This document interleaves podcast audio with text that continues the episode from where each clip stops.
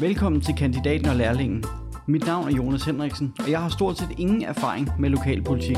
Derfor er jeg lærlingen. Jeg hedder Gunvar Jensen, og jeg har mere end 30 års erfaring inden for kommunalpolitik. Og det er mig, der er kandidaten. Og sammen er vi kandidaten og lærlingen. Gunvar skal forsøge at gøre mig, og forhåbentlig alle lytterne også, lidt klogere på kommunalpolitik.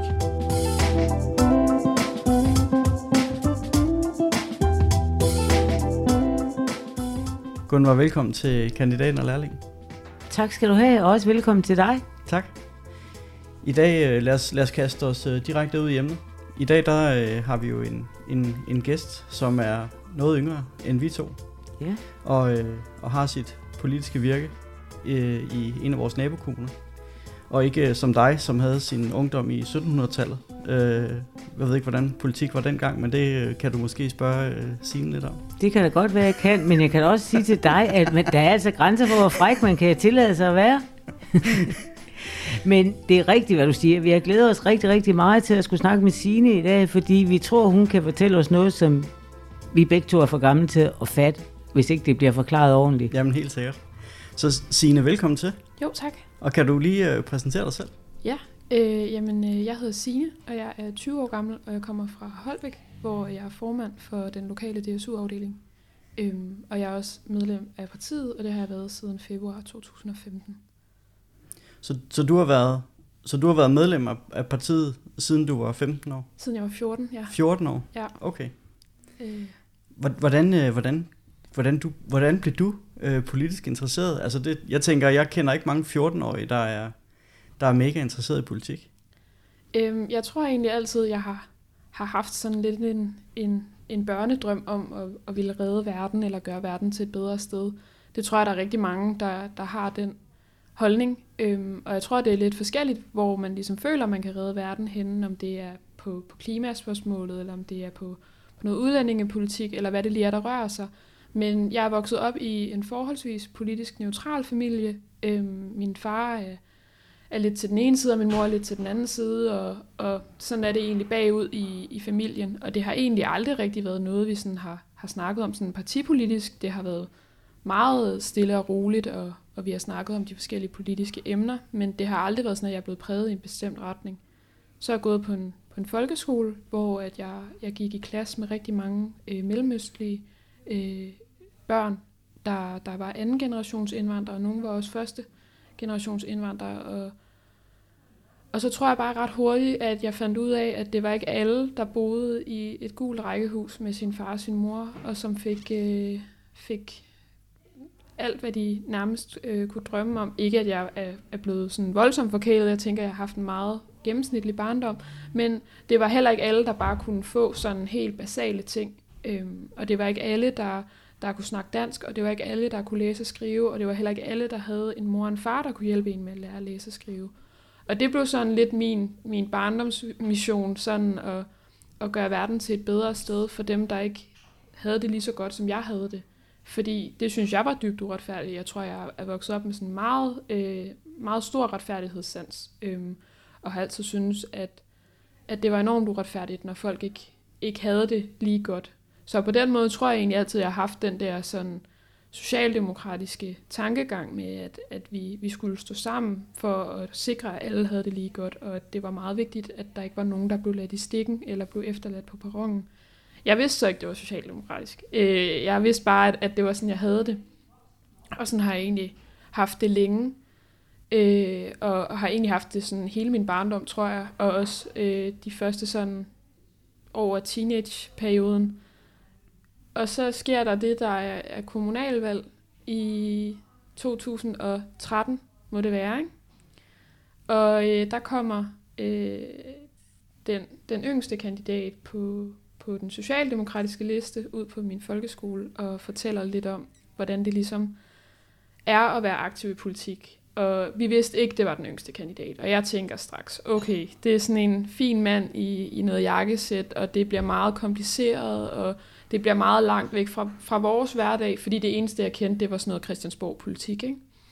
Og så kommer der bare en, en ung, ung kvinde ud. Øh, hun har vel været i starten af 20'erne.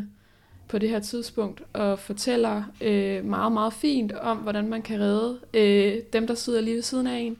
Og så tror jeg, at jeg får øjnene op for, for Socialdemokratiet her. Øh, der er jeg så en 12-13 år gammel, og jeg synes måske, det er lige lovligt ungt, og mine forældre var også sådan, ah, prøv lige at slappe lidt af. Og så, øh, jamen, så forfølger hun mig egentlig lidt på Facebook og skriver sådan lidt til mig, fordi jeg havde skrevet lidt til hende, og synes egentlig, det var meget fedt, det hun lavede, om jeg ikke må, nok måtte være med. Og det var jeg jo så ligesom blevet bedt om af mine forældre at lade være med, sådan, eller lige vente lidt, ikke? Og hun prikker sådan lidt til mig, Ej, skal du ikke med, og skal du ikke, og vil du ikke være medlem, og sådan, og så tager jeg sådan en beslutning øh, efter et års tid om, at øh, nu, nu, nu gider jeg egentlig ikke det der øh, med at, at gå og vente længere, for jeg vidste, det var det der, jeg skulle. Jeg havde fulgt øh, den lokale afdeling på, på Facebook, og, og havde også fulgt hele ungdomsorganisationen på Facebook. Så jeg vidste ligesom, hvad er det, de render og laver, og det var bare mega fedt. Det ville jeg bare gerne være med til. Og øh, så kommer jeg ned til øh, en, en generalforsamling, og så melder jeg mig ind og så har jeg været med lige siden.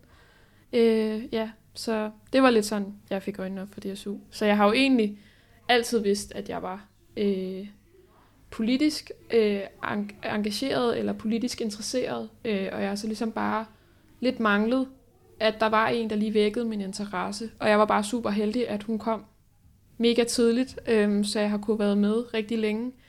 Øh, ja. Men kunne det, have, kunne det lige så godt have været en en fra et andet parti, der, altså nu var det jo tilfældigt, at det lige var en socialdemokratisk øh, øh DSU'er, der kom ud på din folkeskole, men kunne det lige så godt have været en anden en? Mm, altså som sagt, så har jeg jo altid haft den der socialdemokratiske grundtanke. Øhm, og vi vidste jo også godt på min folkeskole, lige fordi der var så mange, der, der havde en anden etnisk baggrund, at Dansk Folkeparti og Pia Kærsgaard, dem kunne vi ikke lide. Øhm, og det var lidt sådan en fælles ånd, der var i elevgruppen. Det er heller aldrig noget, vi blev præget, eller præget til af lærerne overhovedet. Øh, lærerne har faktisk også altid været rimelig politisk neutrale. Men, men vi var ligesom sådan... Altså min, min, min folkeskole havde nogle, nogle grundtanker, eller nogle, øh, hvad hedder sådan noget... Vi, de havde sådan seks kerneord, som de ligesom byggede en skole på. Og der kan jeg huske, at fællesskab og mangfoldighed var to af dem. Og det var ret vigtigt, at vi dyrkede det her. Også så noget med forståelsen for at være forskellige. Fordi når vi begyndte på i religion at diskutere øh, forskellige religiøse emner, så var det jo klart, at der måske var nogle ting, der kunne komme i klemme. Men det har aldrig været et problem. Fordi det har været så vigtigt for den her skole at præge os til, at vi skulle dyrke det. Og jeg tror måske også, at, at, at ikke at de nogensinde har nævnt noget politisk, men, men det er jo nogle grundtanker, der man kan genkende i nogle af partierne. Øhm, og så tror jeg bare lidt, at det blev sådan en, en en fælles elevbeslutning, sådan lidt, øh, hvad kan man sige, det var jo ikke noget, vi kollektivt satte os ned og bestemte, men sådan helt u, hvad hedder sådan noget, øh, uvist, så, øh, så blev det ligesom bare sådan en, en ting, at, øh, at dem kunne vi ikke lide. Øh, og så blev det jo selvfølgelig også lidt en, en, ja, så blev det jo bare sådan, det var. Havde du nogle øh, venner og veninder, og ligesom øh, snakke med omkring det her, eller, eller var der nogen, der fulgte dig med over i, i DSU, eller delte din interesse for det her, de her politiske emner? Øhm, jeg har ikke haft nogen sådan i mit nære netværk, som har øh, været politisk aktiv. Øhm, og det er jo heller ikke sådan, at vi alle sammen har været socialdemokrater. Der har jo været fra hele det politiske spektrum, så der har jo også været klassediskussioner. Og jeg har jo ikke på den måde været uudfordret. Altså jeg har også fået, fået min tæsk, ikke? Øhm, men det har altid været på en ordentlig måde. Og øhm, nu kan jeg ikke lige huske, hvad dit spørgsmål var. Prøv lige at sige det. Det var, om du havde nogle øh, venner eller veninder, Nå, eller ja. at, at snakke med politik om. Jamen, det havde jeg, men jeg tror ikke, at det var sådan partipolitisk. Det var mere sådan generelt, igen, de her politiske emner, der blev diskuteret, øh, ligesom de, de blev derhjemme. Og så har man jo bare haft nogle forskellige holdninger øh, til det. Og det har måske ikke altid været, at folk har været sådan sønderligt bevidste om, at, at deres holdning måske var Venstre eller Liberal Alliance eller øh, Radikale Venstre. Men folk har ligesom bare øh, haft deres egne holdninger, og så har vi diskuteret det. Det har ikke altid været sådan politisk, altså partipolitisk orienteret. Jeg vidste hurtigt, at, at, eller fandt jo hurtigt ud af, at jeg var socialdemokrat, og så var det jo klart, at så var min holdning socialdemokratisk. Men det var ikke, fordi vi sad og snakkede om, hvad de andre ville stemme. Og det er heller ikke, fordi jeg tænker, at jeg har haft øh, nogle veninder i, i DSU, inden jeg meldte mig ind. altså jeg kendte en, som vi havde en fælles veninde, uh, så det var ikke fordi jeg kendte hende som sådan, og blev trukket ind i det. Og man kan sige, at hende, der kom ud på vores folkeskole og, og holdt oplæg, hende kendte jeg jo heller ikke fra andet end det, og så havde vi skrevet lidt frem og tilbage. Så det var ikke, fordi jeg havde nogen veninder. Men det var heller ikke, fordi jeg følte mig ensom, da jeg meldte mig ind i DSU. Fordi jeg havde jo ligesom dem, der havde, altså hende, der havde ragt ud efter mig, og hende den fælles veninde, og hurtigt bliver der jo etableret et, et fællesskab. Det er jo det, som ungdomspartierne kan, og langt hen ad vejen tænker jeg også, at det er det, partierne kan. At man kan få en eller anden form for fællesskab, fordi man jo står sammen om, om nogle fælles værdier, eller nogle, nogle fælles mærkesager. Og hvad var det så, du oplevede, da du kom ind i DSU? Jamen, øh, jeg oplevede jo, at, at der var nogen, der delte den samme holdning, altså 100% den samme holdning som mig. Selvfølgelig kan vi også være uenige i DSU, det er jo ikke, fordi vi sidder og mener det samme, men, men at, at folk ligesom var, var grundlæggende enige i det, øh, jeg troede på, og at vi havde en, en fælles sag, og det der med at være en del af noget større, og få et fællesskab, der er så stærkt, som det er i DSU. Det var ligesom det, der mødte mig, da jeg sad til den øh, generalforsamling.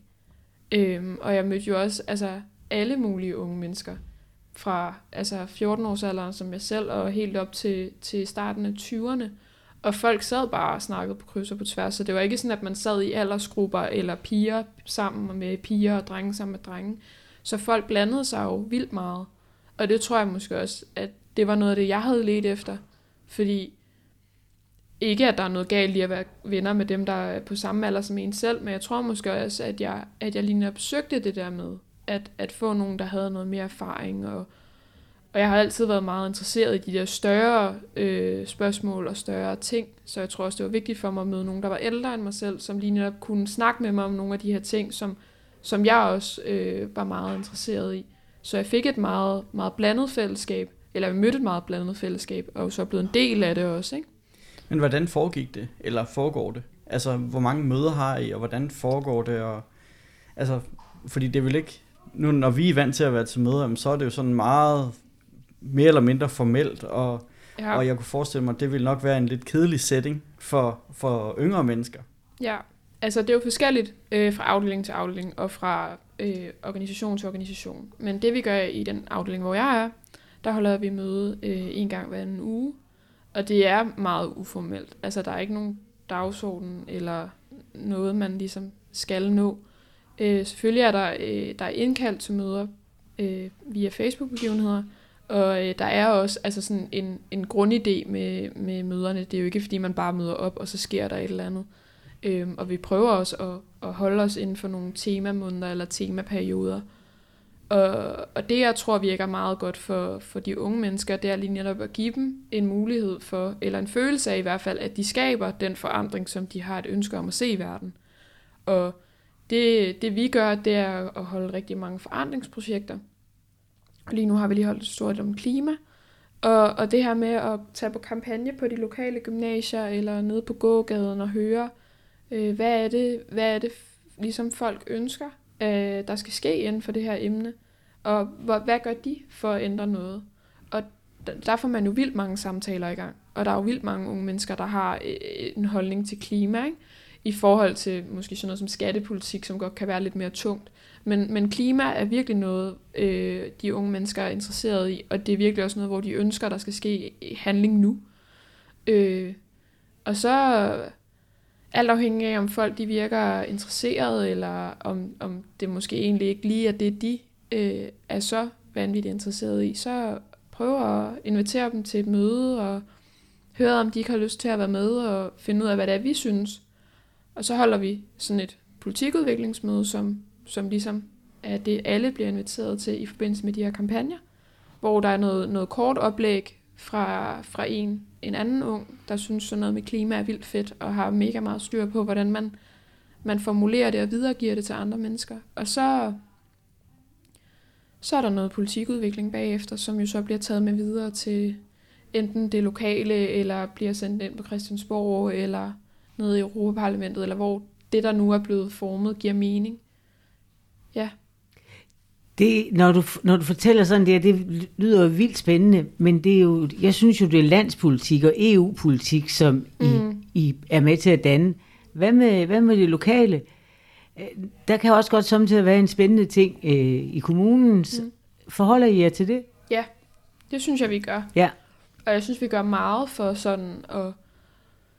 Også, altså ligesom jeg sagde før, det her med, at, at forandringen sker jo ude i, i lokalområderne. Ja. Og jeg tror, det er rigtig vigtigt, at, at man som ung menneske, der er aktiv i, i en DSU-afdeling eller en hvilken som helst anden afdeling, ligesom får en følelse af, at de gør en forskel. Også helt ude i de der små øh, steder, små øh, byer og kommunen, hvor, hvor at, at man virkelig kan mærke, altså det skal helt derud, hvor man kan mærke det, ikke? Øhm, Hvordan kan, hvordan kan man få indflydelse derude, for eksempel?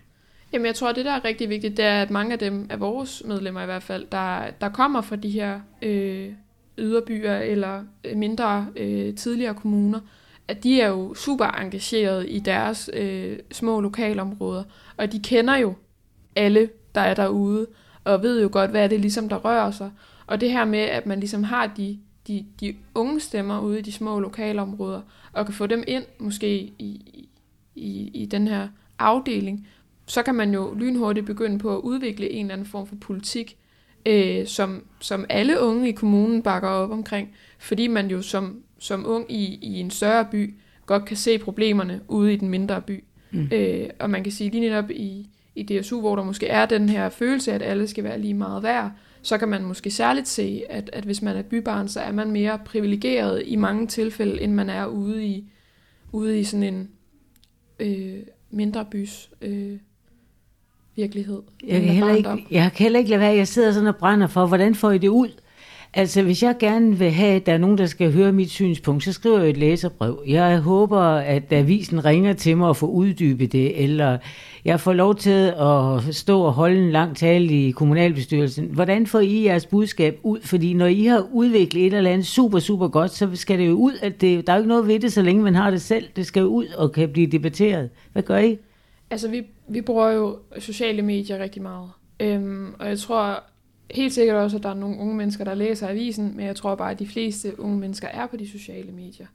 Og man kan relativt nemt øh, ramme ret mange unge øh, på, på de sociale medier, også uden at det koster en formue. Øhm, så det gør vi, og så hiver vi jo selvfølgelig fat i de øh, lokale repræsentanter, vi har i, i kommunalbestyrelsen, eller inde på Christiansborg, hvis det er noget, der, der vedrører landspolitikken, øhm, og ligesom få dem til at nævne det.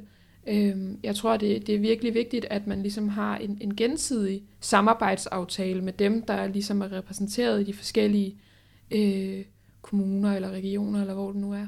Så det er jo ikke kun af, af os, der er engageret i deres valgkamp, men det er også dem, der er engageret i vores aktiviteter og ligesom sørger for at sprede budskabet.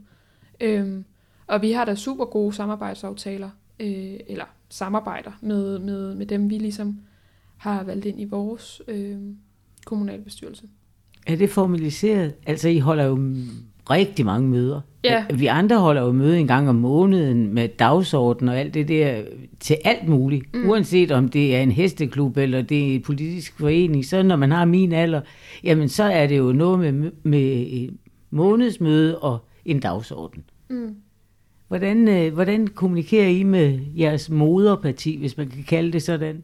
Altså, vi sørger for at prøve på at komme til så mange af deres møder som muligt. Så der ligesom, at man ligesom kan sige, at der er en DSU'er, der sidder øh, ved deres, øh, i deres, til deres bestyrelsesmøder.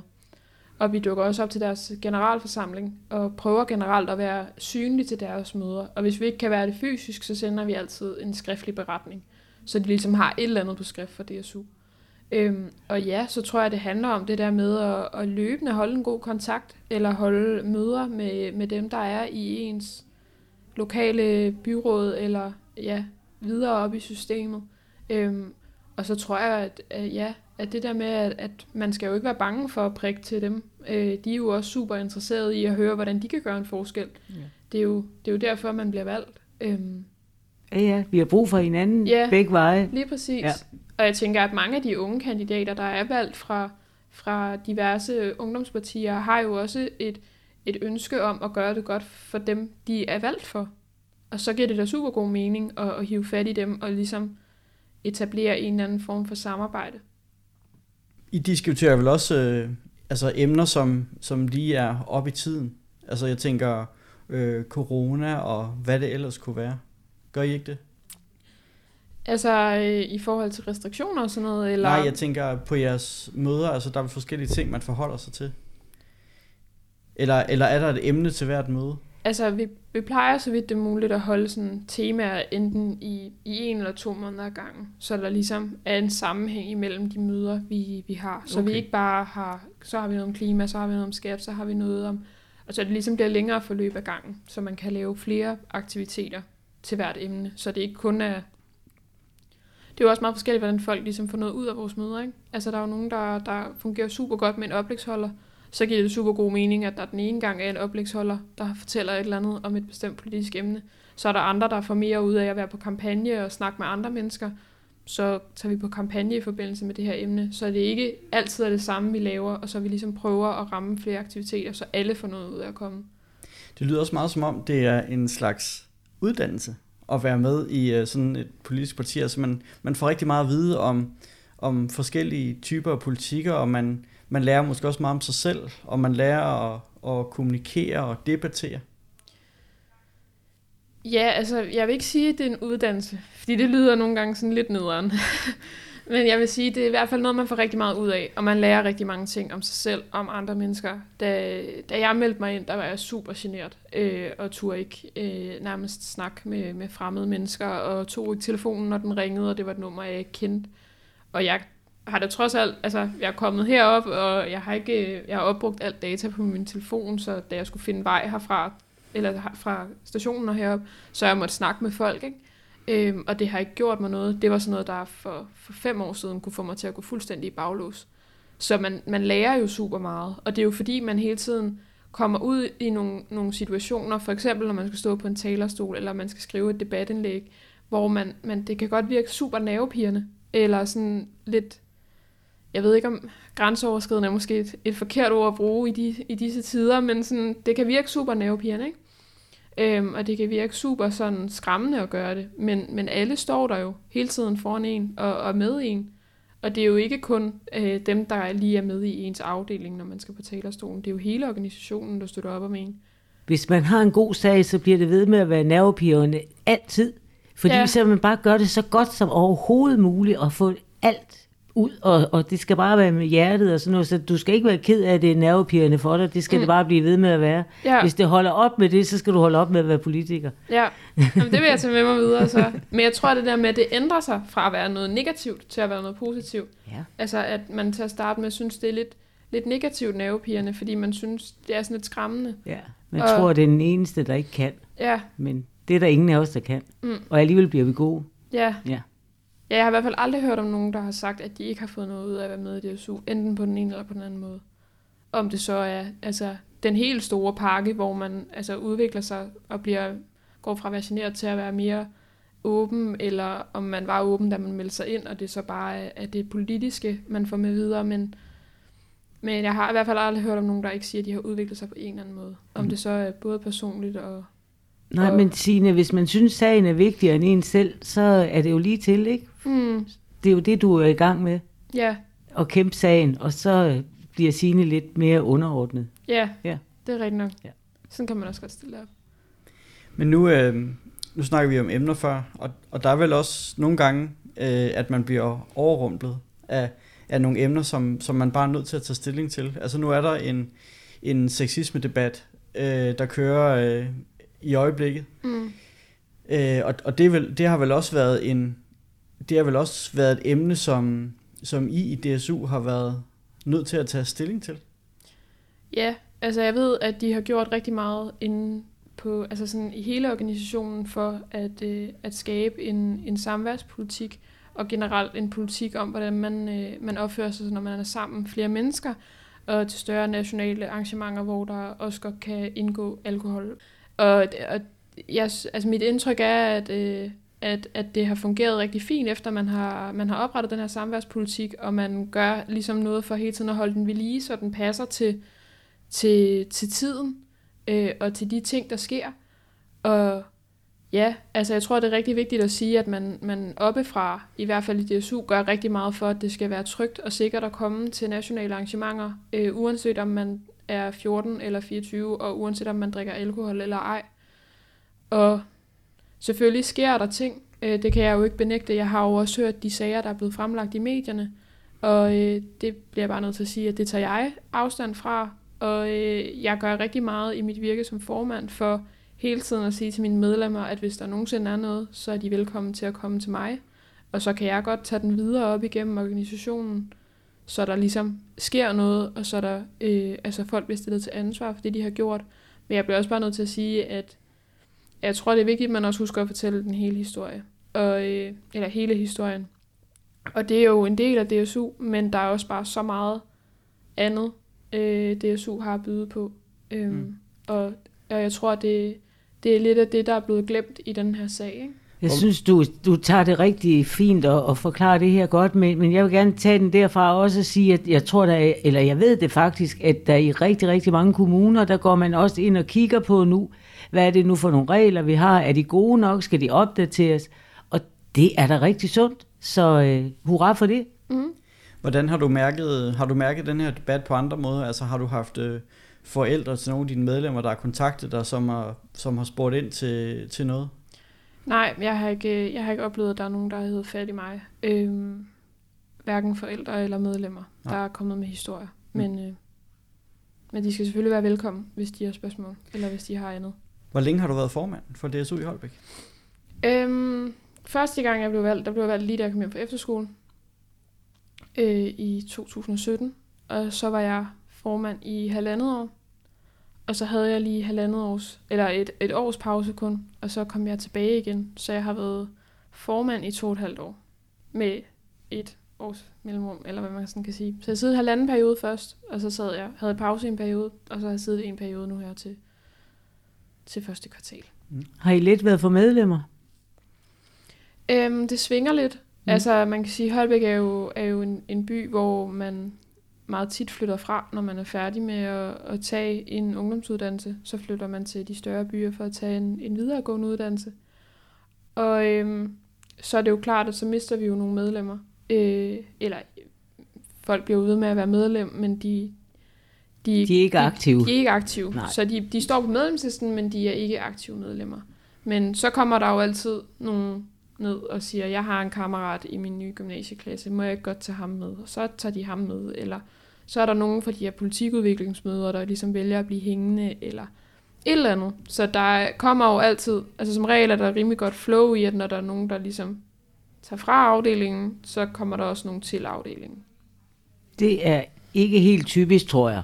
Nej. Fordi i min kommune, der har vi startet DSU så mange gange. Og ja. der er jo sket præcis det samme, som du siger. Så skal man uddannelse, så rejser man fra kommunen, og så er det ikke sikkert, at der lige præcis er nogen, der kan tage over.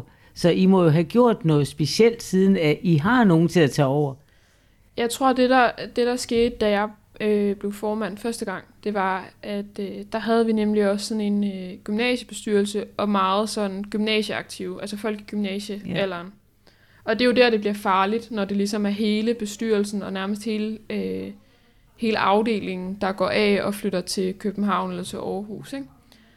Øh, men, men så var der lige pludselig en, en ung fyr, der meldte sig ind, øh, som gik i 8. klasse, og ej, jeg har lige en kammerat, og så kom der ligesom nogle unge mennesker ind, og så var det jo også nemmere for os at finde nogle endnu yngre medlemmer, fordi tit så springet fra gymnasiet til, til en 7. og 8. klasse kan godt være lidt stor, men det var faktisk ikke et problem i den her situation.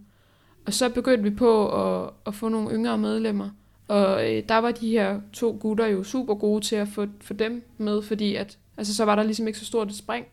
Og vi har også lige fået, øh, fået et nyt medlem, eller et nyt medlem, der er, der er 11. Øhm, og hun er super sej og kan sagtens gå med i samtalen om, om store politiske emner, øh, ligesom alle andre. Så jeg tror, at det der med, at, at tit vælger man jo en bestyrelse, der ligner en selv. Ja. Eller som i hvert fald øh, har har, er nogenlunde samme sted i livet som en selv. Og det var nok lidt øh, den fejltagelse, jeg valgte at begå første gang, fordi det var kun sådan en gymnasiebestyrelse. Og så kan jeg da godt se, hvis man kommer ned til sådan en møde og er 14 år gammel, og alle er 18-19 år og er på vej videre, så virker det måske lidt skræmmende, eller sådan lidt usikkert på en eller anden måde, fordi at det ligesom falder fra hinanden inden for et års tid. Så jeg tror, det er super vigtigt, at man også sørger for at, at skabe en bestyrelse, der er ret blandet. Og lige nu har vi, ja, vi har en, der går på videregående, og altså to, der har sabbatår, og en, der går på gymnasiet, og en, der altså, går, går i folkeskole. Ikke? Så det er jo en super blandet bestyrelse, og det tror jeg bare er super vigtigt. Øhm, så bestyrelsen også varetager øh, hele øh, medlemskatalogets øh, interesser. Det er selvfølgelig også rigtigt, at hvis man får dem unge, så var, mm. det, det, var det lidt længere, inden de rejser. Lige præcis. Ja. Ja, så tror jeg bare, at det der med, som jeg også sagde til at starte med, det der med, at, at folk er jo mega blandet, øhm, og at folk på 25 snakker med folk på 15. Altså, jeg har super gode venner i DSU, der er 8-29 år, og der er der overhovedet ingen sådan problemer, når vi mødes. Øhm, og det er da heller ikke, fordi jeg føler, at jeg er den lille, eller at de bare er mega gamle. Øhm, nogle gange så bliver jeg sådan lidt, gud af 28, og de er det også sådan lidt til mig, at du kun 20, og sådan er det jo bare. Så, så, så det der med, at, at også nogle gange at række ud efter de yngre, øhm, og det der med at turde række ud efter de yngre, øhm, når man er 20, det tror jeg bare er super vigtigt at huske på. Øhm, og det kan da godt virke sådan lidt lidt underligt, eller måske sådan, ja igen lidt spøjst, at man, man, man er venner med, med nogen, der er så meget yngre eller så meget ældre end en selv, men det giver bare super god mening, øh, i, i hvert fald i DSU, og det har aldrig været et problem. Og jeg tænker, hvis, hvis de har kunne tage imod mig med åbne arme, dengang jeg meldte mig ind, så kan jeg jo også godt tage imod åbne arme med dem, der melder sig ind nu. God pointe. Ja. Det giver vel også en styrke, at, man, man, at der er noget aldersforskel, fordi mm. man, der er bare forskellige interesser. Ja. Helt sikkert. Altså, øh, altså det er jo det samme med Gunvar og jeg. Altså Gunvar fra 1700-tallet og mig, øh, lidt yngre. Øh, vi ser jo også forskelligt på tingene, eller på nogle ting, og, og i hvert fald øh, diskuterer tingene på forskellige måder, og det må være det samme hos jer. Ja, altså helt, helt klart. Nu kan man sige, at øh, nu hende, det nye medlem, hun kom i forbindelse med den her klimaperiode, øh, vi havde afholdt. Øhm, og der kom jo folk i alle aldre, og det tror jeg også er et emne, der optager mange. Men jeg kan da også selv mærke, øh, at dengang jeg meldte mig ind, der var det meget sådan noget med altså uddannelse og undervisning. Det var super meget sådan noget med, øh, med screening af ordblinde elever og noget med noget mere praktisk i, i skoledagen, for ligesom at, at elever, der havde svært ved, ved det faglige, kunne få lov til også at få nogle succesoplevelser. Så den her sådan lidt mere blandede skolegang, der var tilpasset til lidt flere elever, og det her med også at få noget bedre uddannelsesvejledning, så der var flere, der valgte øh, de erhvervsfaglige uddannelser, øh, eller i hvert fald overvejede dem, for jeg tror, der er rigtig mange, der ikke engang overvejer dem den dag i dag. Og, og nu kan jeg da godt mærke, at nu er, det, nu er det jo noget helt andet. Altså jeg er også meget præget af, at jeg er gået på en handelsskole, men jeg synes jo sådan noget som altså økonomipolitik og finanspolitik kan være super spændende, for den sags skyld også udenrigspolitik, som jo er noget af det lidt tungere, Øhm, og jeg ved ikke, om det er fordi, at, jeg har uddannet mig i en bestemt retning, eller om fordi jeg er blevet lidt, lidt ældre, og det er så noget andet, der optager mig.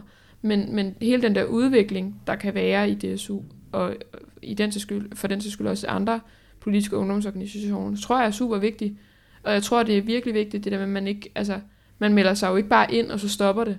Altså, man melder sig ind, og så starter det. Altså sådan, og det der med, at man, man, man vokser jo også i DSU, og man vokser jo med DSU, og det tror jeg også er super vigtigt at huske på.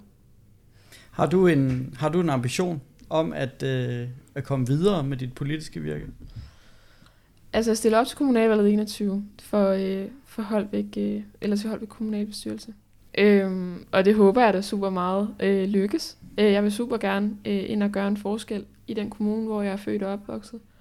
Og man kan sige, at, at mange af mine øh, mine partifælder, og for den sags skyld også øh, DSU-kammerater, kommer jo lige netop for de her yderkantsområder, som vi snakkede om før.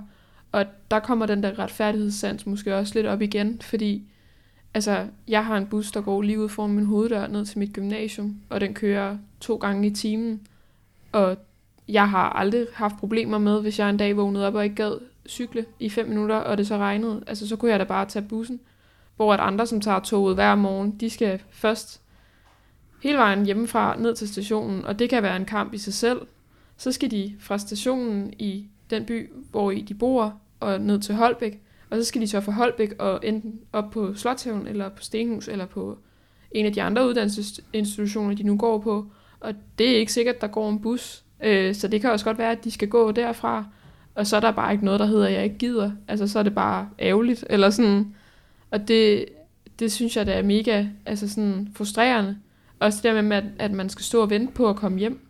Altså, når man har fri klokken 16.30, det tror jeg så ikke, der er nogen, der har mere. Det ved jeg, de i hvert fald ikke ude på Slotshaven. Jeg ved ikke, om de har det ude på Stenhus. Men, men når man er fri 16.30, så gider man jo ikke stå og vente en time på, at man, man kan komme hjem. Så det her med at, at for eksempel at kunne, kunne tilpasse øh, køretimerne eller køretiderne til, til ringetiderne på gymnasierne, det er jo sådan noget, man, man for eksempel vil kunne arbejde med i en kommunalbestyrelse. Altså bedre offentlig transport. Ja, for eksempel. Ja. Eller i hvert fald det her med at skabe bedre forhold for de unge, fordi altså igen, man må jo heller aldrig glemme, hvad der man kommer fra. Og jeg kommer bare fra, fra en, en DSU-opvækst, og er bare mega ung øh, i forhold til mange af de andre kandidater. Så jeg tror, det er super vigtigt, at man også husker det, man kommer fra, og lige netop står op for dem, øh, man, man ligesom kender, og dem, man repræsenterer. Så det vil ikke give mening for mig at diskutere pensionsforhold eller bedre hjemmepleje. Det synes jeg selvfølgelig også, vi skal have, det er slet ikke det. Men, men jeg tror bare ikke, at det er den målgruppe, jeg rammer. Og jeg tror heller ikke, det er den målgruppe, jeg repræsenterer. Altså jeg tror, det er super vigtigt lige op at sige det her, når vi skal have nogle flere ungdomsboliger, eller vi skal have nogle bedre, noget bedre offentlig transport, der er tilpasset de unges kørevaner, så det ligesom bliver attraktivt at være ung i kommunen. Også sådan så, at, at de unge faktisk har lyst til at blive boende, når, når de en dag skal læse videre, så byen ikke bare dør. Altså, når du bliver valgt til kommunalbestyrelsen, så bliver du nødt til at tage stilling til det hele, også ja. til pensionerne og alt det der. Men det er bare det vigtigste, at du bliver ved med at huske på, hvad du kom fra. Mm. Det er det vigtigste. Ja. ja. Ja, lige netop. Og jeg tror lige netop det der med at gøre det attraktivt for de unge, og, og ligesom sørge for, at de bliver i Holbæk Kommune, eller i øh, nogle af alle de andre kommuner, hvor de er, er født og opvokset. Det tror jeg, der giver super god mening. Og jeg tror lige netop, det er sådan en ung kandidat, der, der skal til for at holde fast i dem. Og selvfølgelig, så altså som ung, så koncentrerer man sig jo også om alt muligt andet. Ja. Altså man interesserer sig også for klima, og for hvordan de ældre har det, og hvordan det er at gå i folkeskole, fordi man skal også selv have børn en dag, som skal gå i en folkeskole. Ikke? Øhm, men jeg tror bare, at, at for at vi kan diskutere alle de der emner som, som ung, så bliver man bare nødt til at have nogle unge mennesker at diskutere det med, og derfor tror jeg, det er super vigtigt, at man husker at fastholde dem. I hvert fald som ung kandidat, før man begynder på at diskutere alt det andet. Lige præcis. Lige præcis. Ja. Signe, lige her til sidst, øh, så kunne jeg jo godt tænke mig at høre, øh, vi har jo ikke nogen, øh, vi har ikke nogen DSU-afdeling i vores kommune. Hvordan kommer vi i gang? Ja, øh, det er jo meget forskelligt, hvordan man starter sådan et projekt op. Og øh, man kan sige, at, at det, det, der ligesom vil være fordelen, det vil jo være at finde sådan en ung, lokal ildsjæl, der virkelig bare brænder for den socialdemokratiske sag. Og det kan måske være svært lige at finde. Det kan være, at der er nogen i partiforeningen, der har en datter eller en søn, der, der er blevet præget hjemmefra øh, til, at, til at støtte omkring den socialdemokratiske sag. Men at finde sådan en ung lokal ildsjæl, og så øh, har vedkommende formentlig en kammerat eller to, som også godt kan hoppe med på vognen. Og så er det bare at sprede budskabet. Det er at oprette en, en Facebook-side, og gerne også have nogle, nogle Facebook-begivenheder, som, som folk kan gå ind og deltage i med det samme. Og ja, det er super nederen at holde et møde, hvor der kommer tre, og der er en oplægsholder. Det har jeg selv prøvet. Så jeg ved udmærket godt, hvordan det er. Øhm, men, men det er virkelig bare at blive ved. Altså, og, og det er jo mega fedt, når man har de her medlemmer, øh, som ligesom er med til at starte det hele op, og se, hvordan det vokser. Og det er mega fedt at have, altså oplevet, at der kommer nye medlemmer på eget initiativ. At det ikke er nogen, man nødvendigvis har været nede på, nede på gågaden eller nede på gymnasiet. Men det er nogen, der selv har fundet Facebook-siden og har set, okay, de holder møder hver anden torsdag kl. 18 op på biblioteket eller et eller andet. Og så kommer vi. Øhm, og det der med at, at, at have nogle medlemmer, man selv har, har samlet ind, og se, hvordan de ligesom vokser med opgaven. Og, altså det kan jeg i hvert fald huske, at, at mange af de medlemmer, jeg har fået ind i DSU, øh, man, man bliver jo lidt sådan, altså man bliver jo lidt en familie. Øh, og jeg har da tit følt, at jeg er lidt sådan en, en storsøster for nogle af de yngre medlemmer. Øh, og det der med at se dem hænge deres første valgplakat op, og se dem holde deres første brandtale og sådan noget. Og det, og det, lyder, så, det lyder så latterligt et eller andet sted, når man sidder og ser det, men, men, eller, eller når man sidder og siger det, men man bliver bare så rørt, og, og man bliver så stolt på en eller anden måde, fordi man jo Altså, jeg tror også, det er lidt sådan, man har det, når man er forældre. Altså sådan, når ens børn går for første gang, eller et eller andet, ikke? Men det der med, at man, man, man ser noget, man et eller andet sted selv har skabt, forstår mig ret, ligesom øh, blive en del af det her fællesskab, og selv ligesom, altså alle de der ting, man snakker om, man snakker jo hele tiden om, hvornår kommer der valg, og nu skal vi ud og planlægge, og nu skal vi lægge en strategi, og hvordan og hvorledes, og det der med så ligesom se dem blive en del af det, og jeg havde en, jeg havde en ung gut i min, i min afdeling, der kom hjem, eller der, kom, der skrev til mig på et tidspunkt, at, øh, at øh, nu tog han på efterskole, og han var bare mega ked af det, fordi at det var jo samme år, hvor det var, der var kommunalvalg. Og så siger jeg, jeg tror også, at du har misforstået noget, fordi der er først kommunalvalg næste år. Så var han sådan, skide godt. Jeg skal, jeg skal bare hjem til den valgkamp, fordi nu, nu var han blevet så glad efter, efter folketingsvalgkampen, der havde været, så skulle han bare også være med i kommunalvalgkampen, ikke? Og sådan havde jeg det også selv, da jeg tog på efterskole så er der sådan, ej, nu er det ikke samtidig med, med, med kommunalvalget, vel? Og så, det var det så heldigvis ikke, det var da jeg kom hjem. Og det, det er bare fedt, når man har den der følelse af, okay, der er noget at komme hjem til. Altså sådan, og der er, der er ligesom noget at se frem til. Det er lidt ligesom dengang man var lille, og man så frem til sin fødselsdag, ikke? Altså sådan, ja. så er det bare, nu er det valget, og hvornår skal vi hænge valgplakater op, og også, altså, jo, det hardcore politik er også mega fedt. Det er slet ikke det. Men, men også nogle gange de der helt små stjernestunder, man har nede på et eller andet øh, valgkampskontor, og der er en eller anden, der bare siger et eller andet, og det kan være alt mellem himmel og jord, og alle bare griner, ikke? Altså, det kan også bare være noget af det fedeste. Altså, og, og politik er jo meget mere end bare politik. Det er jo også det der fællesskab, og det er også de der små oplevelser, øh, som slet ikke har noget med politik at gøre egentlig, øh, som, bare, som bare gør hele forskellen. Og det, det tror jeg er mega, mega vigtigt også at huske at holde fast i. Og lige netop også, når man er i en ny afdeling. Altså det der med, at folk kommer jo for det politiske, det er jo klart. Men jeg tror, at mange bliver for det sociale. Altså mange bliver på grund af fællesskabet. Og det, derfor tror jeg også, det er mega vigtigt, at man, man som, som nyopstartet afdeling, eller øh, i hvert fald hvis man har en plan om at gøre det, at alt ikke bare er sådan noget oplæg om skattepolitik, øh, oplæg om klimapolitik, men der også er et eller andet med, når i dag mødes vi, og så øh, bestiller vi nogle pizzaer, og så spiller vi banko. Og så har vi det bare sjovt med det. Og så drikker vi en sodavand og spiser nogle chips, og så snakker vi bare om alt mellem himmel og jord. Og så kan det godt være, at vi snakker om, hvordan øh, nattens valg udvikler sig.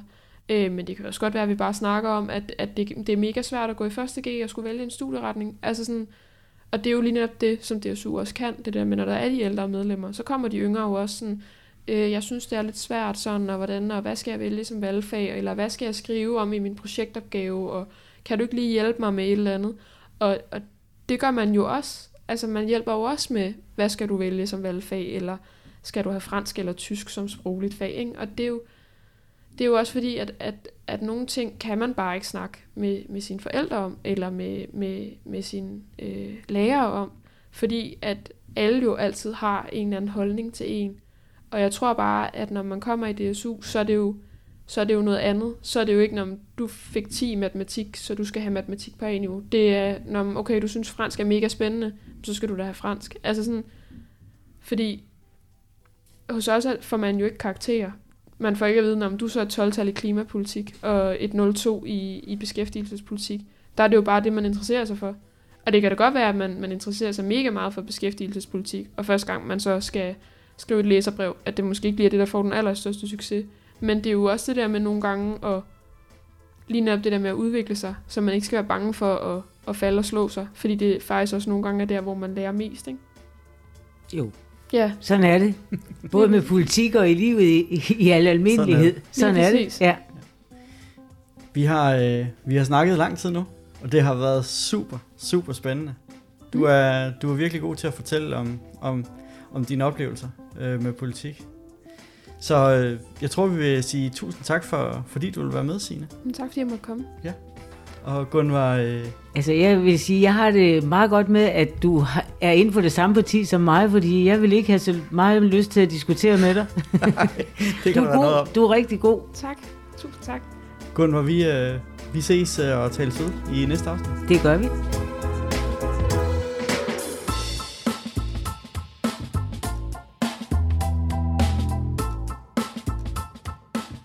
Podcasten er produceret af Lokalguide og Autos Media. Find mere information om podcasten på k og l.dk.